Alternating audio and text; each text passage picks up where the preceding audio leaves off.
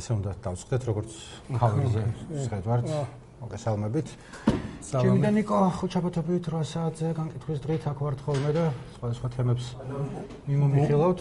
ხავი თუ გინდა არ შეგვიშლით მონებით მხევლები ნიკო? მონებით მხევლები ორი თემა გვაქვს. ერთი ვისაშინია სტატუსის. რა სტატუსია ლაპარაკი ჯერ აი კანდიდატის სტატუსი. კანდიდატის სტატუსზე მაგას მიუბრუნდებით ცოტა ხანში. და მონაჯის ამბებსაც გეტყვით რა არის თუ არიცით მანამდე რა მკითხე როგორ ავარ?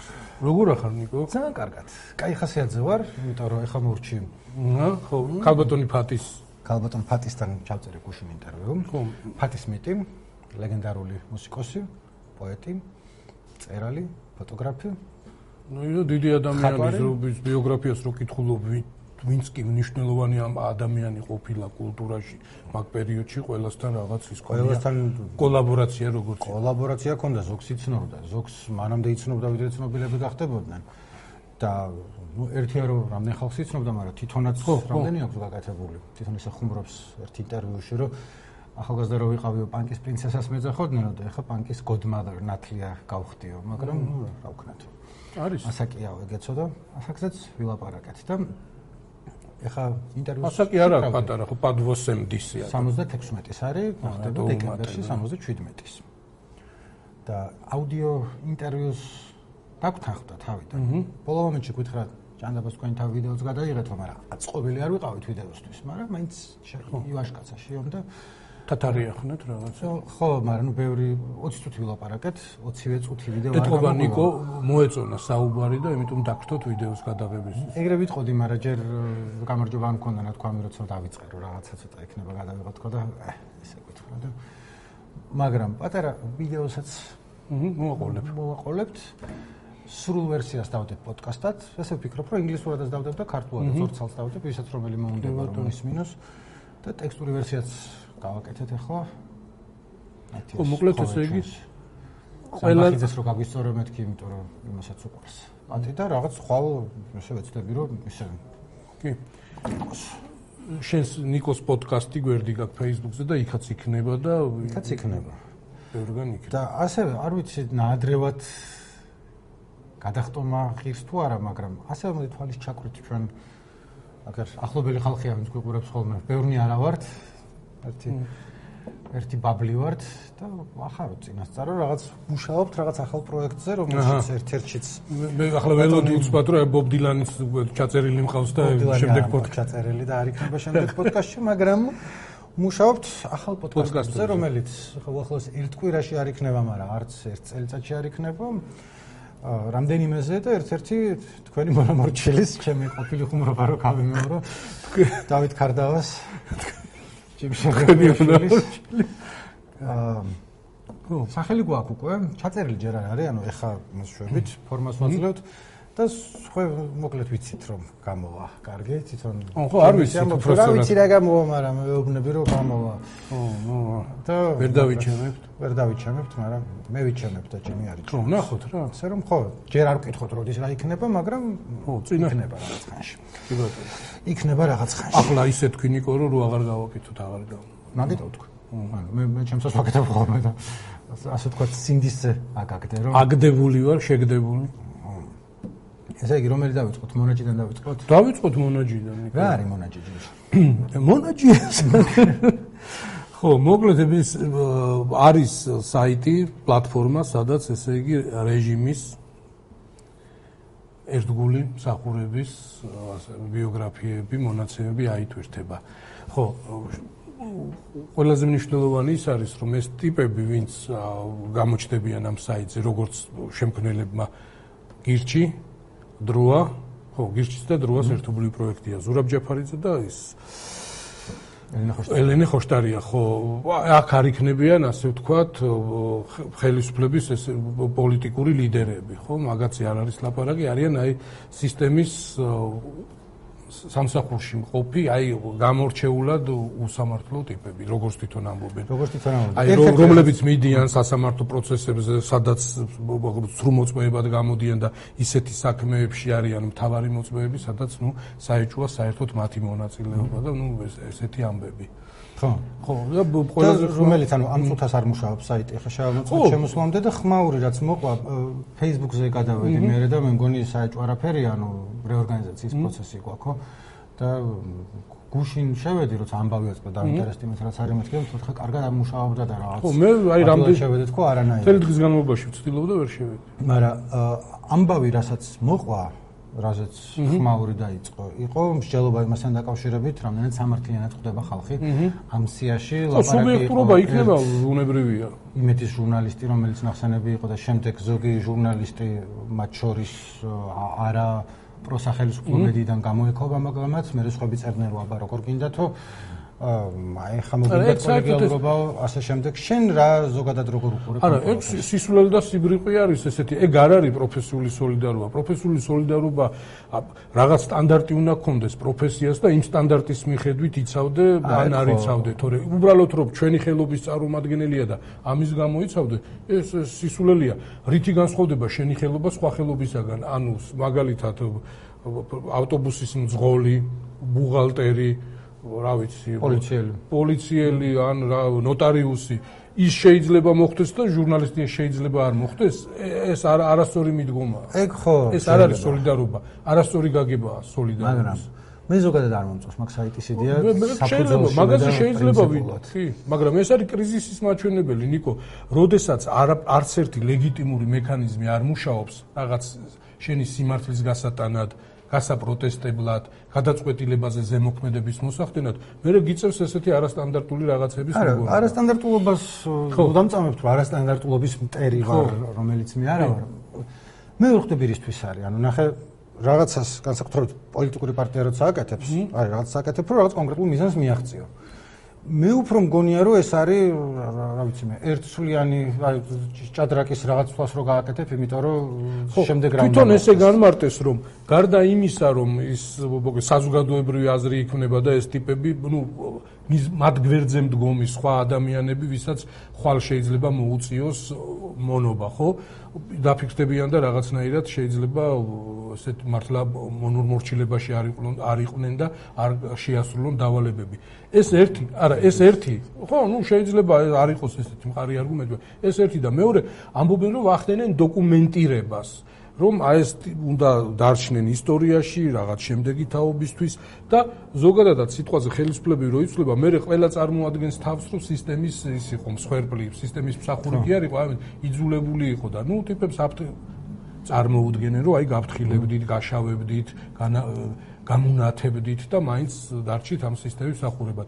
მე არის ხოლმე შემთხვევა, რომ ამ სისტემის ნაწილი მოიხსნება ერთი ან ადამიანების ჯგუფი და მიდის საზღვარგარეთ ითხოვს თავშესაფარს თუ რაღაც აქეთ სისტემას გაექცა რეჟიმის ხერპლია. ახლა რაც პირველი რაც გამახსენდა რომელიღაც სოფლის გამგებელი პოლიციელი გამახსენდა კიდე და გამახსენდა მგონი საგარეო საქმეთა მინისტრის რაღაც ნათესავი რომელიც ასევე წავიდა. მოკლედ ეს ხალხი შეიძლება სუფთა სუფთები არიან და არაფერ შუაში არიან, მაგრამ არის ისე რომ რაღაც პრობლემა შეექმნება მე სისტემის ერთგულ მსახურს და მიდის საზღვარგარეთ ევროკავშირში ან იქით ოკეანს გაღმა და ითხოვს თავშესაფარს და ითხოვს პოლიტიკურ თავშესაფარს იმის გამო რომ სისტემა დევნის და ასე შემდეგ და ერთი რაც მე არ მინახავს სისტემა თვითონაა გასაგებია ერთი რაც მე არ რამდენიმე რამის გამო არ მომწონს მე ერთი რომ ეგ არგუმენტები მესმის რასაც ამბობ მაინც ვერ ხვდები თუნდაც აი შემდეგ ინაბიჯი რა ხო. ხო. რაღაც ერთი. მეორე არ ვარ დარწმუნებული ვინც ამ საიტს აკეთებს მათ რუდუნებაში ან იმაში რომ იკულებენ ანუ ალბათ იკულებენ მაგრამ ნუ არ ვიცი რა როგორ არის ეგ სტანდარტები ან რამდენად სამხილები ბოლომდეა წარმოდგენილი. აი რა ვერ ხვდები რა იმიტომ რომ თან ძალიან ადვილია მე რომ რა კიდევ ერთი არგუმენტი რომ ბოლო ინსტანცია არ არის შეუვალი სიმართლე არ არის გასაჩივრების მექანიზმი არის. ან გასაჩივრების რომ მოხსნა მონა არა ვარო თუ რა კი და აჩვენო ხო ნუ რომ აქ არ უნდა ვიყო. მე და არის ის რომ შენ შენი იმას არგუმენტებს მიიტან და გააბათილებ. ნუ შეიძლება ეს შენთვის ის იყოს ღირსების ქვემო თუ არ იკადრო და რაღაცა შეიძლება მაგრამ თუ ესე მნიშვნელოვანია იქ არისო სასამართლო ხო არ გაუქმებიათ არ გაუქმებიათ ნიკო სასამართლო შეგიძლია მიმართო რაღაც რომ მოითხოვო რაღაც თუ არ ახარ მონა და შეგიძლია იქვე როგორ თვითრეგულირების მექანიზმი აქვს ხედა უკვე შექმნეს და მიყოლ და გააპროტესტე. შენ ძალიან მოგწონს როგორ ჩანს ხო? არა, მე შმაკის ადვოკატი ვარ. აი მოკლედ რა რაღაცა მეხამუშება რა აბა მონა დავუძახოთ ყველაფერს თავისი სახელი დავარქოთ და მე ხო გეუბნები კრიზისის ბრალია. დემოკრატიულ ქვეყნებში ეს დემოკრატიული მეთოდები რო ჭრიდეს აქ ჩვენ რო ვიყოთ ასეთი აი საშუალო ეს ჭრის ესეც არ ჭრის ხო და ცდიან არა ანუ ხო მესმის რომ ცდიან მაგრამ აი ის არის რა იქ რძეში რო ჩავარდება თაგვი თუ ბაყაყი და მე არ ხო ხო ხო ხო გვისწავლია ეს რომ არა ისიც მისწავლებენ მე რა იქნება რომ ესენი იმას მონას ეძახიან იქიდან აქეთ მონას დაუძახებენ? არა ეს ამაზეც ნაფიქრი მაქვს დარწმუნებული ვარ იქიდან მიდის ახლა იქ ხუყავთ ის ანალიტიკოსები და პიარ სამსახურები აღა ისინი მუშაობენ როგორ გააბათილონ ეს? შენ თვითონ ახარ მონაჯი? ხო და ანუ ის არის რა რა დავიწყოთო? არა, ну არ ვიცი, ხო გეუბნები, ეს არის იმის ბრალი, რომ ჩვეულებრივი სტანდარტული მექანიზმები რომ მუშაობდეს და საკმარისი იყოს რაღაცის გასაპროტესტებლად, სასამართლოში საჩივრის შეტანა, ხო, ქუჩაში დადგომა და ასე შემდეგ. მოდი ვეცდები რომ ჩამოვაყალიბო, ერთი მგონია რომ რასაც შენ ამბობ, მაგმიანს არ მიაღწევს, ანუ ის თავისთავად ფაქტი რომ ამას მონაჯი ქვია და მონაჯის სია არის არ მგონია რომ ერთ ადამიანსაც მაინც გადაიყვანს აქეთ აზრზე რომელიც ამ წუთას არ არის. არ მგონია რომ ერთ ადამიანს მაინც შეაცვლევინებს აზრს რომელიც იქ არის. და არ მგონია რომ რამეს აკეთებდეს გარდა გულის მოფხანისა და არ მგონია რომ რამეს აკეთებდეს გარდა პოლარიზაციის გაგრძელებისა. შეიძლება ვწდები შეიძლება გენდერული კუთხითაც ვერ უძლებს ვერანაირ კრიტიკას. უნდა იყოს ესე იგი მონა წერტილი ჯი და უნდა იყოს მხევალი წერტილი ჯი ასე ხო მოდი ხალხს მიესალმოთ ნინო ჭინჭაროვს დავქნია ხელი? ჩვენ კოლეგას ჩვენს არა ჩემს ეს ლექტორობის ამბავში ჟურნალისტი არ არის. და ჟურნალისტიკას ხელობას რო ეძახის რა საყვარელია ჯიმი? ანუ ჩვენ ეგრევე ეძახით რა ხელობა არის რა არის პროფესია არის. და ვახტანგ მას დაგვიქნია ხელი ავსტრიიდან და მე გაქრა რა სათქრება კომენტარები? ვინ აკრობს კომენტარებს? არ ვიცი გოჩა? არა იმიტომ რომ მოგესალმებით უკითხეს და შეიძლება ავტორიტეტ გოჩაც მონა გოჩა ჯი გავაკეთოს და ხო. და რა ვიცი არ ვიცი წინაზე დამიწერა კომენტარი მოიცა გადავიდე თუ თუ გვაქვს. ეს კომენტარი თუ არ გააკრეს ჩემი კრიტიკული რო ნიკო სულ არ რა ვიცი რა ვიცი ძახის კრიტიკულს კი არ გააკრობენ. არა ხო და აი ალბერტ უწერია რომ ჯიმი ვარი პროფესიონალიო რომელიც თავის მოსაზრებასო რამდენიმე ისეთ არგუმენტს ურთავს რომელიც დამაჯერებელს ხდის მოსაზრებასო და თავის მხრივ ნიკომ არასდროს არაფერი იცის და ვერასოდეს ვერაფერს იტყვის ბჭყალებში აბარატუზის მანდო. ორი ჯიმი რო იჯდეს უკეთესი. უსამართლო კრიტიკა. უსამართლო არის ხანდახან არ ვიცი ხოლმე რაღაცები, ხანდახან ვიცი, ხანდახან ისე ამბობ რომ რა ვიცი, რა ვიცი. ამ მონაჯესთან დაკავშირებით არ არ ვიცის კი არა რა ვიცი, რა ვიცი. ანუ რასაც მე ვხედავ, ეგ არის კიდევ ერთხელ ხო, არა, урბანაკად შემომტკიცების შენ პროცესის ვიზია ნაწილობრივ მე ნუ თუ არ დავაცადეთ თუ ექსპერიმენტი ბოლომდე არ მიუშვით ნიკო ვერ გავიგებთ ზუსტად. გაამართლებს თუ არ გაამართლებს და ნუ გაუშვეს გაუშვეს დავაკვირდეთ ხო? იმის გამო რომ ებრძვიან და ვიღაცას გულზე ხვდება მართლა ხო მართლა ხო ცადეთ არა მთელი დღე ვცდილობდით და ვერ შევედით. მე ფეისბუქზე დავათვალიერე მაგათი გვერდი. თორე საიტზე როგორც ასეთი მე ვერ შევედი ვერ მოვხდი ვერ ნახე ჩემი მონაცხო არ არის იქ მოდი ახლა გახსნილი მაქვს წინა კომენტარებს გადავხედავ ბოლოს შევარდნი მაგის დრო. არა აი ცუგებზეა ლაპარაკი თუ დიმაგწას რომ წინაზე კუპატა მოხდა და კუპატაზე ლაპარაკობდი. მე მეც წავიკითხე რაღაცები რომ კუპატათი იმას კუპატას ავტორიტეტით ექსპლუატაცია. იცი, ეგ აღარ წავიკითხე მე ხომ იმიტომ რომ ძალიან არ ვიცი რამდენად სანდო არის ეგ და იმიტომ რომ ჩვენ რაც ვნახეთ და ჩვენ რაც ვიდეოები ქონდა, ნუ გადასხმებს უკეთებდნენ, ემსებს უკეთებდნენ დიეტაზე ყავდა და მაგრამ ცალკე შესწავლობდა და ესე თქვა ხა ვიღაც ბრალდებს რომელიც არ ვიცი ვერ ვერ გავიმეორებ. დიმაწას რომ კაი ცუგები კაია, მაგრამ ქუჩაში უკონტროლოდ არის მათი რაოდენობა გაზრდილიო, ერთი და ორი არაუშავსო, მაგრამ ხანდახანო აგერ უნივერსიტეტის ქუჩაზე სასაფლაოებთან 10-12 ძაღლი ყეფით და ღრენით გამომივარდა, ჩემთვის მივდიოდიო, მაგრამ მე კი მოვიგერიო, მაგრამ ბავშვთან ქალი რო ყოფილიყო, რაც იზამდაო და ეგეც არის პრობლემა, ნამდვილად. ეს არის უფრო 80 90-იანი წლებიდან ის აგერ ჩვენმა მეგობარმა აკამორჩილაძემ რომ მაინც კი დაწერა ფალიაშვილის ქუჩის ძაღლები, იქ არის ეგეთი ეპიზოდი, რომ მორბის და მოსდევენ და ბოთში ახტება და ფალიაშვილის ქუჩაზე აღარ არიან ხო ძაღლები მაინდა მაინც. ოთოშეს ყეფით და რაღაცა რომ მოდიოდნენ აღარ არის. რეზულუს. იქაც ეგაუგებრობა, ძაღლები მომდევენ. ხო, ნუ რა რა ვქნათ ახლა ზაღლებსაც თავისი უჭირთ და იმიტომ როგორც ის ბულატო კუჯავას ლექსში არის, ზაღლური ცხოვრებისაგან ის არის ზაღლი. მოიგ მესმის, მაგრამ ხა ბავშვ თუ გამოეკიდა და დაკბინა დიდი ვერაფერი ის არის ხო ანუ არის ეგეთ ხო გასაგებია მაგრამ მართლების საშუალება რა ხო ესეთი ცალკეული ეპიზოდი შეიძლება არც ცალკეული ეპიზოდები არ უნდა გახდეს იმის საბაბიო ანგარიში გავუსწოროთ ჩვენს ოთხფეხა მეგობრებს. არა არა ანგარიში ცხადია რომ არ უნდა გავისწოროთ ვახტანგი გწერს რომ ჩემი აზრით მონაჯემ უნდა ააგროვოს ბაზა გაკეთდეს ლუსტრაციის კანონის მიღების მხარდაჭერა მოძრაობას და დაირქვას ვინ და თქვენი კრება დაეხმაროს რამეში აბა თქვენ. აი ნიკო აი ხო ცუდი სიტუაცია არის ახლა. ჩვენ აი ძალიან ცუდი არის. ღირებულებების თვალსაზრისით ორიენტაციის თვალსაზრისით აი ვინ მეგობარია ვინ მტერია მაგრამ კარგი რაც ხდება კარგი რაც ხდება.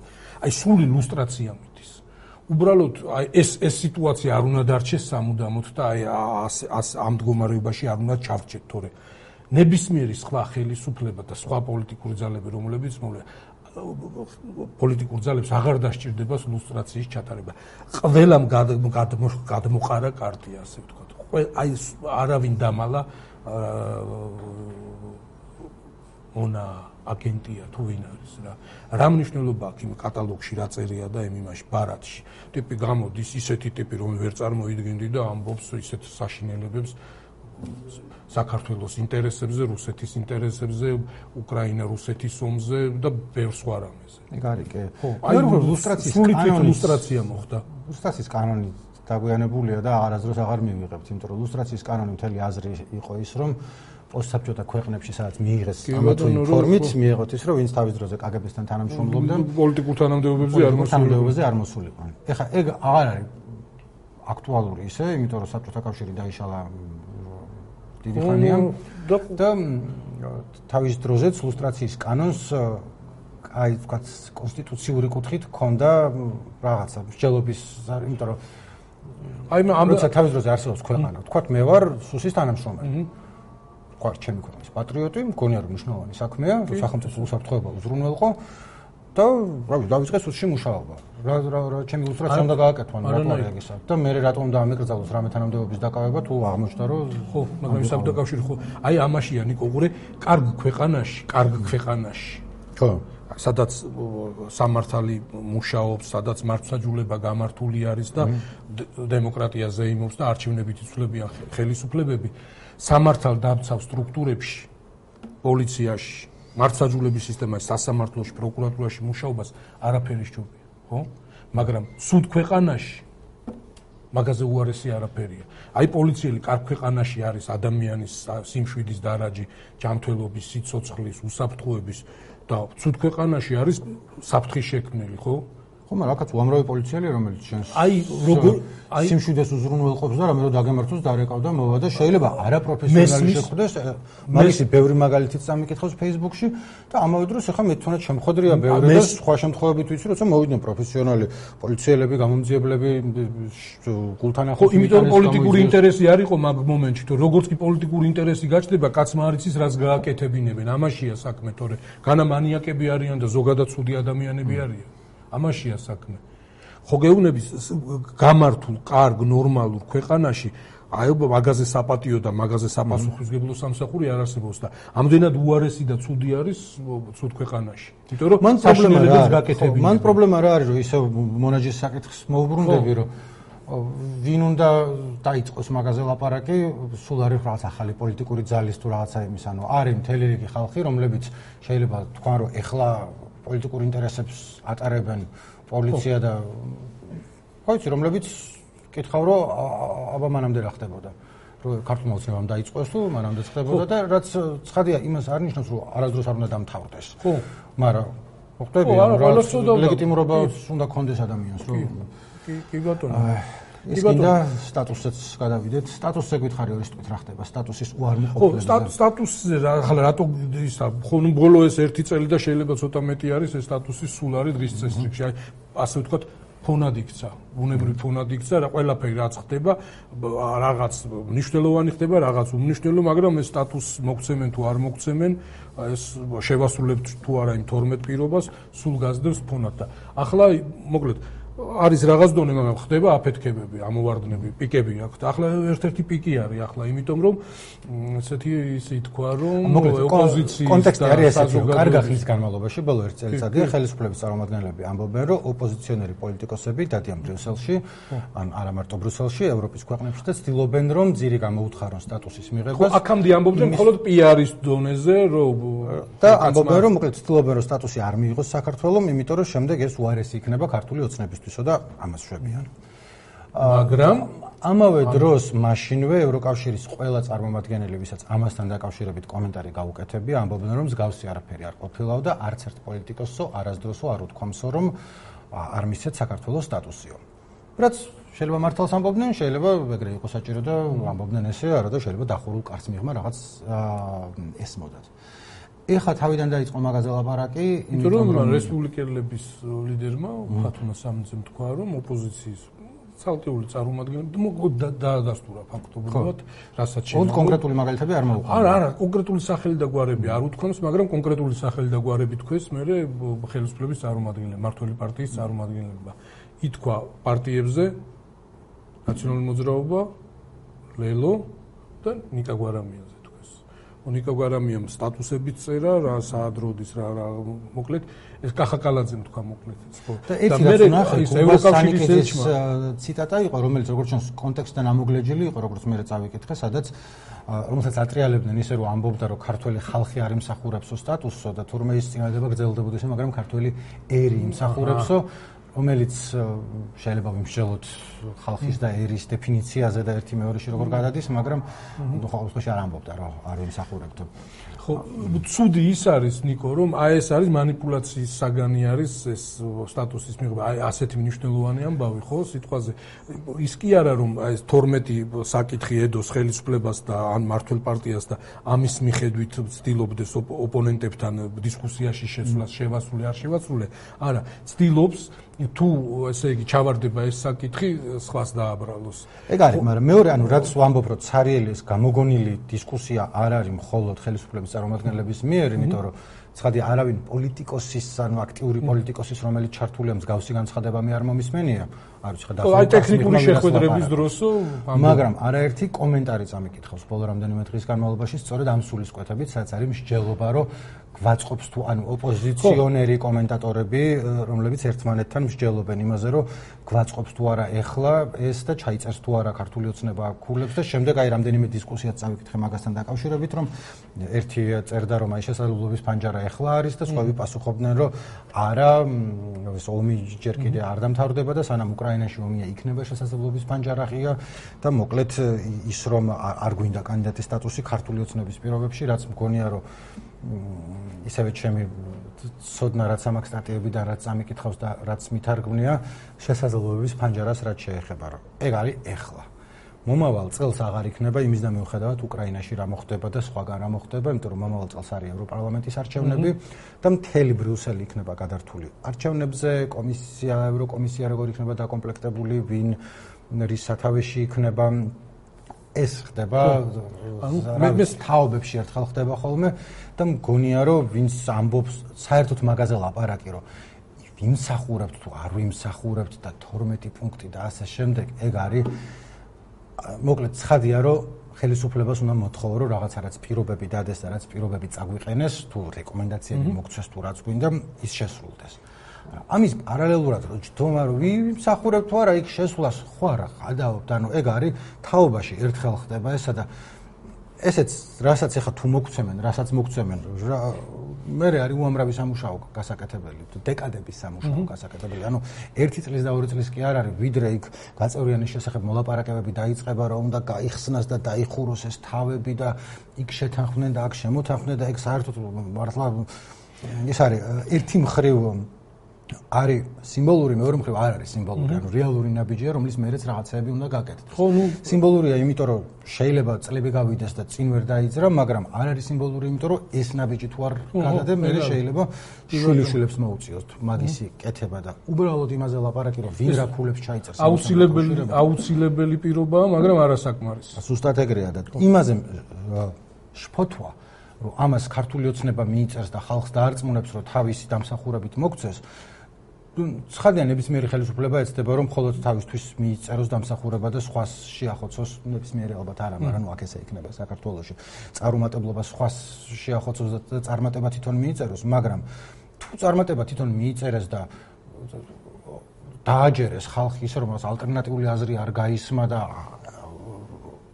მაშინ რა რა აზრი აქვს რა ხო მე ვფიქრობ, ნუ ოპოზიცია იმის იმის გამო რომ ესე იგი ერთგვაროვანი არ არის და ბევრი ფრაქციისგან შედგება, ხო, ბევრი პარტიისგან შედგება, ძნელი არის რომ საერთო ხმა კონდეთ და ვერ ექნებათ. მაგრამ უყურე მართველი პარტია. მართველი პარტიისთვის ახლა არის ყველაფერი არის დადებული საარჩევნო იმაზე, სასწორზე, არჩევნებზე, თეფსზე. ხო? ეს კანდიდატის სტატუსი არ არის მიზანი. კარგი ხელისუფლებისთვის მიზანი უნდა იყოს, მაგრამ სინამდვილეში ეს არის საშუალება. აი მარჩევნების მოსაგებად. არჩევნებს მოიგებენ თუ ვერ მოიგებენ. იოლად მოიგებენ თუ გაუჭirdებათ არჩევნების მოგება. ეს უნდა ესმოდეს ოპოზიციასაც, ხო? ანუ ოპოზიციის მთავარი ეს ბუნებრივი არის, რომ იმის გამო რომ ეს შენი მიზანი არის არჩევნების მოგება და საშუალება არის ეს კანდიდატის სტატუსი, თორე აი რო გავამარტივოთ ხო მიიღებს სტატუს არ მიიღებს სტატუს ესეთი არჩევანი რო დაუდგეს არჩევნებს არჩევნების მოგება გირჩევნია თუ სტატუსის მიღება მარტივ არჩევანს გააკეთებს დარწმუნებული ანუ ხო მე როცა არჩევანს გააკეთოს მე მაგრამ მე შემიძლია ვთქვა რომ რა დავინახე აქამდე რომ ის რა შეიძლება ხელისუფლებას მოთხოვოთ იყო ის რომ დგამდა ნაბიჯებს რომელიც ხო ის 12 პირობა. ხელს უშლიდა ევროკავშირში გაწევრიანებას აი 12 პირობა 12 პირობა. არაფერი იქ არის ისეთი არ წერია რომლის შესრულება არ შეიძლება რომლის შესრულება ძნელია პოლიტიკური ნებაა საჭირო ყველაფრის ისა კონსტიტუციის შეცვლის უფლის არა აქვთ საშუალება თორე. დანარჩენი კანონების დონეზე გადაწყვეტილების მიღების დონეზე ყველაფრის შეცვლა შეუძლიათ. არანაირი ოპოზიციის თანხმობა საზოგადოების თანხმობა იმისთვის რომ ეს 12 პირობა შეასრულოს ხო არ სჭირდება. არანაირად. ხო მაგრამ მე ჩემი დაკვირვებით ეს არის საშუალება სტატუსის მიღება. გაუადვილებს თუ გაურთულებს არჩევნების მოგებას. მიზანი არის არჩევნების მოგება. ხო ბუნებრივი არის გაიავლება და გართულებაში რო გულისხმო ამას გულისხმობ თუ არ მიიღებს სტატუსს, ხო? ეცდება რომ შეტენოს ოპოზიციას, რომ თქვენ იყავით წინააღმდეგი და თქვენ დაარწმუნეთ გადაწყვეტილების მიღები ხალხი ევროკავშირში, რომ არ მოეცა სტატუსი. ამისთვის ხომ მზად უნდა იყო, რომ ანუ შენ ყველაფერს უნდა აკეთებდე ოპოზიცია, რომ თუ სტატუსს ვერ მიიღებენ, შენ მაინც არ შეგეტენოს. შენ არ აქვს რეალური ბერკეტები გადაწყვეტილების მიღებაზე, ხო? რატო აქტიურობ, რატო აი აცალე ხელისფლების პასუხისგებლობა შენც მოითხოვე ევროკავშირის არა მარტო პოლიტიკური მიზნების გამო, არამედ ანუ არის რა ნუ იქცევ ისე რომ შენ შეგეტენოს. შენ ვერ იღებ გადაწყვეტილება შენ წინააღმდეგი იქნები თუ არ იქნები იმ 12 პუნქტის შესრულებაში რა ვერ მონაწილეობ ხო? 12 პუნქტი აქვს ხელისუფლება შესაძლებელი წამზომი აქვს ჩართული მართლ პარტიას შენი აქტიურობით, ამ უაზრო აქტიურობით, ხო? მხოლოდ იმას აკეთებ, რომ წარუმატებლობის შემთხვევაში შენზე გადმოიტანოს ისრები. ხო და ეგ კიდე პოლიტიკური რაღაცაა, რასაც ამბობ, მაგრამ ისაც არასწორია რა, ანუ რა არა აქვს მნიშვნელობა, ვინ არის სათავეში. ყველა უნდა ცდილობდეს დედი ამბუდიანად, რომ სტატუსი მივიღოთ. ხო, მაგას არა იმიტომ რომ 2024 წლის არჩევნები გავადვილდება თუ გაურთულდება თუ რა. შენ უნდა გულშემატკივრებდე უყურებ, ხო? ითხოვდი ამ პირობების შესრულებას. ეგ გზა დასავლეთისკენ 2024-შიც იქნება და 2034-შიც იქნება და არა რა იწყება და არ მთავრდება. სულ ცოტა ეს ბუნდო ეს ნისლი უნდა გაფანტოს, რომ არ მიეცეს საშუალება, სიცხადე უნდა იყოს, არ მიეცეს საშუალება, რომ შენ გადმოგაბრალოს რაღაცა. რომ შენ რომც გინდოდეს ვერ გააფუჭებ ამ საქმეს. ვერც გააკეთებ და ვერც გააფუჭებ. ერთადერთი რაც მოგეთხოვება ის რა დეპოლარიზაცია ხო და ეს ნუ დეპოლარიზაცია ისეთი ამბავი არის ნუ სად გადის ზღვარი და სად ნუ. აი მეორე დეპოლარიზაციას რაც შეეხება ეგ არ არის ხო ხტები ყველაზე მნიშვნელოვანი მოთხოვნა საერთოდ ან ერთი კიდევ ერთხელ რაც მე წამიკითხავს ცხადია რომ რეკომენდაციების შესრულება მნიშვნელოვანია. საბოლოო ჯამში სტატუსის მიღება არ მიღება არის პოლიტიკურ ნებაზე დამოკიდებული და იყო შემთხვევები როცა არ შეუსრულებიათ რეკომენდაციები და მაინც მისცეს ან შეიძლება სხვა შემთხვევაში თუ ფანჯარა დახურულია რაც გინდა ასრულე 24 რეკომენდაციაში ასრულე 12-ის ნაცვლად მაინც ვერ შეხვალიქა იმიტომ რომ არ არის მაგისი ამინდი. მოკლედ რა მაგიტო ამბობ რომ ეხა არის მნიშვნელოვანი რომ რაღაც მივიღოთ მაგრამ იგივე აი ეს მონაჯის უბრუნდები რა როცა იტყვი რომ თქვა ხელისუფლებამ არაფერი გააკეთა დეპოლარიზაციისთვის თქვათ ის გირჩი ამბობს ან რაღაცა და მგონია რომ მართალია, იმიტომ რომ არაფერი არ გაუკეთებიათ. და მე ვთქვათ ხელისუფლება ამბობს რომ შენ მონაჯე გააკეთე. ეგ ხელს უწყობს თუ ხელს უშლის დეპოლარიზაციას. ხო, აქედან შე ანუ ისე ვამბობ რა, ანუ პრინციპის საკითხზე, რომელიც შეიძლება თქვა რომ ეხა ეს არც მეტია არა არც ერთი ფიჩხით მეტია იმ კოცონში და არც ერთი ფიჩხით ნაკლები, მაგრამ ხო, აი ძალიან ცუდი არის ის ამბავი რომ ეს აღიქმება საშუალებად და არა მიზნად. იმიტომ რომ მართლა მნიშვნელოვანი არის ამ 12 პუნქტის შესრულებით ჩვენი იმის პოლიტიკური მოწყობის სტანდარტი ამაღლდება, ხო? რაღაცით ხო უნდა დაუახლოვდე ამ ევროკაპმა. ეს კანდიდატის სტატუსი, ახლა ბევრმა დაწერა და ბევრმა ბევრი ითქვა, რომ არიან ქვეყნები, რომელსაც წლების და ათეულობით წლები აქვთ ეს კანდიდატის სტატუსი და აღარც აღარც ოცნებობენ და აღარც ფიქრობენ ევროკავშირის წევრობაზე და ეს სტატუსი შეიძლება მივიღოთ, შენ თქმის არ იყოს, ეს აუცილებელი პირობა, მაგრამ საკმარისი სულაც არ იქნება.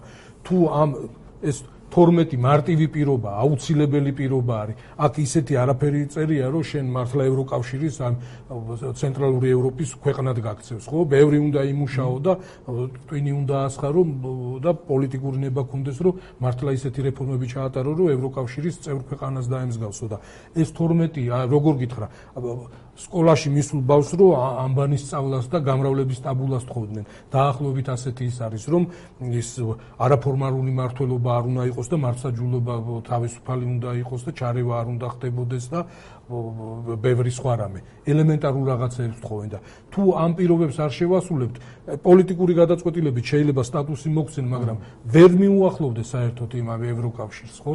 ეს არის ცუდი რომ ეს არ უნდა იყოს საშუალება ხო ეს უნდა იყოს მართლა მიზანი და მიზანი ამ იმ თვალსაზრისით რომ მართლა ევროკავშირს დაემსგავსო მართლა ევროკავშირს და არ იყო უცხო სხეული და იქ არ თავის ტკივილი არ იყოს იქ ხალხისთვის რომ ესენი რომ მივიღოთ მე რა გავაკეთოთ ხო რაღაცნაირად ორგანული ხო უნდა ხო უნდა იყოს აი ნინო ჭინჭარავლიძეს მე მაქვს იმედი რომ მოგცემენო. იმედი მეც ამაქვს მართალი გითხრა როგორც ვიცი ანუ ვითარება ეხა ჩვენი რიკარდის იოზვიაკის ცნობით რამდენიმე დღის წინანდელით არის რომ საბოლოო გადაწყვეტილებას მიიღებენ აი რეკომენდაციების მიღების დღის წინადღეს ან იმ დღეს. და მანამდე იქნება დიდი აღებმიცემობა და ვაჭრობა და ასე შემდეგ. და ხო რაღაც დათქმები იქნება და რაც არის მოგცემენ მაგრამ დათქმებით ხო რომელიც ეგეთ საქმეა რა. ხო და ნუ ეს საზოგადოებაც და ამურჩეველიც არ არის ახლა ისეთი ბრიყვი რომ ვერ არჩევდეს შავს და თეთრს და ესე. ხო ვერ არჩევს და უმეტესობა ის არის მაშინ რა გავაკეთოთ ხო დემოკრატია სანტია როგორც პოეტი თქვა და აა ორი შეკითხვა და გავედით ბოლოში ნელ-ნელა მაჰარაჯა წერს რომ მედიის კანონზე რა სიტყვითო ადამიანები თვალ ყურს მაგამ ბავს იცი ხო რაც არის ლაპარაკი? ხო, ისა თვით რეგულირებიდან რაღაც გადის და რეგულირება ხდება. ნუ რას ვიტყვით და თუ ესეთი მნიშვნელოვანია ნიკო შემდეგ გადაცემებში ვილაპარაკოთ. ჩავხედავ, იმიტომ რომ მან როგორც მახსოვს, ანუ ერთი იყო რომ აკრიტიკებდნენ ხელისუფლებას იმისთვის, რომ ეს რეალურად ცენზურის კანონიაო. ხელისუფლების წარმომადგენლები ჩვენთან სტატიაში წავიკითხე თავის დროზე და ნუ იმის იქით კვლევა არ მქონია. მეტავი სტატია იყო არც მახსოვს, მაგრამ ნუ ისინი ამბობდნენ, რომ არის ევროკავშირის მოთხოვნებს ვასრულებთო და ისეთი არაფერი წერიაო, რაც ხო, ახლა ხო არა არის ზადავა, ზადავა რაღაცა მაგაზე ესე ვქნათ. და ალექსანდრესაც სწრაფად უპასუხებთ ახლა ისრაელი ჰამასის ომზე ცოტა უცხოეთის ამბებზე გადადითო და არ ვიცი შეატყობდით ალბათ რომ როგორც ჭირის დღეს ისე ვერიდებით მაგ თემას გარდა იმისა რომ ერთი ვთქვათ რომ აა ყველა ბავშვის უბედურება გვტკივა, მაგრამ ერთი რაც ვიტყოდე პოლარიზაციას რაც შეეხება, რასაც რამდენიმე კვირის განმავლობაში უყურებ Facebook-ზე, რომ ხალხი, რომლებიც აი თითქოს არც აქედან წერენ და არც იქიდან, მაგრამ ნუ უყურებ აი მხოლოდ მშრალი ფაქტები წერია და ვკითხულობ და არ წერია. მშრალი ფაქტები ერთი მხარის რაღაცები წერია, მან და არა მეორის და ანუ რაც ერთი რაც მომწონს, რომ თქვა ხალხი ეჭქვეშ აყენებს, რომ ოფიციალური ისრაელის განცხადება რო არის, აბა მართალი არის თუ არა და რო შეამოწმო. რაც არ მომწონს, არის რომ იგივე ხალხი უკრიტიკოთ იღებს ხოლმე ჰამასის ოფიციალურ განცხადებებს და იმათ სტატისტიკას ისე ეყრდნობა, ვითომ სანდო იყოს, რომელიც ყველა ვიცით თუ არ არის სანდო და ამიტომ რაღაც არის რომ ნახე ამდენი ადამიანი დაიღუპა აქ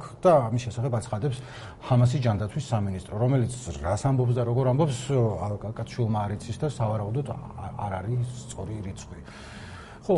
ხო. მე როგორც მოქალაქე და რა ვიცი აქტიური მოქალაქე ვცდილობ რომ ჩემს თავში ჩამოვაყალიბო რაღაც წონასწორობებს მივახციო ხო და მე ესეთი რაღაცა მოვიფიქრე ჩემთვის რომ აუცილებელი არ არ მგონია რომ მთელი კონფლიქტი დღიდან დაწყე 100 წელი ან რა ვიცი 70 წელი ერთმთლიანად განვიხილო ხო? მე შემიძლია რაღაც ეტაპებად დავყო და აი ეს ეტაპი არის საშინელება და ეს ეტაპ ამ ეტაპში ვინც ესე იგი ეს საშინელება და უბედურება გააჩაღა ის უნდა დაისაჯოს სხვანაირად არ გამოვა არ არის აუცილებლად რომ თავიდან ბოლომდე მთელი ამ ეს ნაწილიც ხო შეიძლება ცალკე განვიხილოთ. მესმის რომ ეს მთელი პროცესი მნიშვნელოვანია, მაგრამ 7 ოქტომბრიდან რაც ხდება ეს ჯოჯოხეთი, ამაზე ვინც არის პასუხისგებელი, ის პირველიდან ბოლო კაცამდე ყველა უნდა დაისაჯოს, ხო? აი იმათი დანაშაული არის ორივე მხარეს ამ ხელამსხვერპლი. ეს სხვანაირად არ გამოვა. ეს რა არის იცი? მთელი ეტაპის რო აიღო ყველაფერი უწყვეტად აიღო ხო? ჩვენს გვიომია სხვა ქვეყნებს სხვა ერებთან და ჩვენს ტერიტორიაზე გქონია კონფლიქტები და უზარმაზარ ტრავმებს ვატარებთ და ის და ის ყველაფერს ხაზი გადაუსვა შევარდე რაღაც საშინელებები გავაკეთე და თავი იმით ვიმართლო რომ 100 წლის წინ 200 წლის წინ 30 წლის წინ ჩემიანი ვიღაცა მოკლეს და ახლა მე ყველაფრის უფლება მაქვს. ესე არ შეიძლება. ამ ეტაპზე ახლა რაც ხდება ამ ჯოჯოხეთს ვინც ატრიალებს ხო? ხო კონკრეტული სახელი და ის აქვს არა იდენტობა ვინ არის ხო?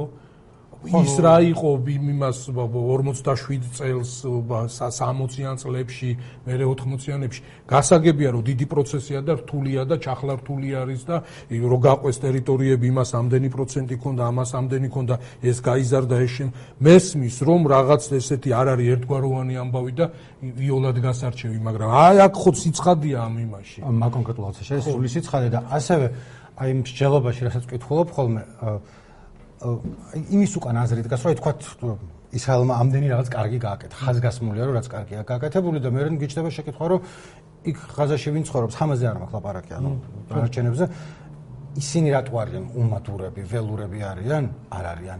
მე რენ ხოლმე ლაპარაკი, რომ აი როგორ ისრაელის აშინელებებს აკეთებდა იქ, რომელიც იქ არის გამოტოვებული მანამდე რა მოხდა, რაღაც პასუხად იყო თუ უბრალოდ ესენი არიან ცუდები და არ არის მანდ ცალსახა აი ამ კონფლიქტში ვამბობ. არაფერი გარდა იმისა, რაც თქვი, რომ ეხა ეს ჯოჯოხეთი ვინც მოაწყო ის ვის უნდა? ხო. ანუ არაბს უნდა თუ ებრაელს უნდა თუ ქრისტიანს უნდა თუ მუსლიმს უნდა? ეგ რა რა 1400-ზე მეტი ადამიანის მოკლა და თან იქ კონკრეტული პატარა ჯოჯოხეთები რომელიც აუდიო ჩანაწერებია, ვიდეო, მოკლედ რაც საშინელებია. ხო, ხო შეთანხმებულია კაცობრიობა, რომ ტერორიზმი არ არის მეთოდი და ტერორიზმი დანაშაულია და არ შეიძლება დაისა, ხო? რატო რატო დაუშვათ გამონაკლისი სიტყვაზე? ხან არ უნდა დაუშვათ. აა ანა მოგვისწროთ, სოცხალეთერს მიუწარიო, კაი დღეა დღესო. აბა, კაი დღე გაგერძელებოდეს, ანა ჩვენ ამით გავედით ბოლოში. თქვა 35-40 წუთზე დავსვედით და ვეცდებით რომ ესე გავაგრძელოთ. მადლობა ვინც გვიყურებდით, აბა შემდეგ ხუთ შეგათვლით. ახლა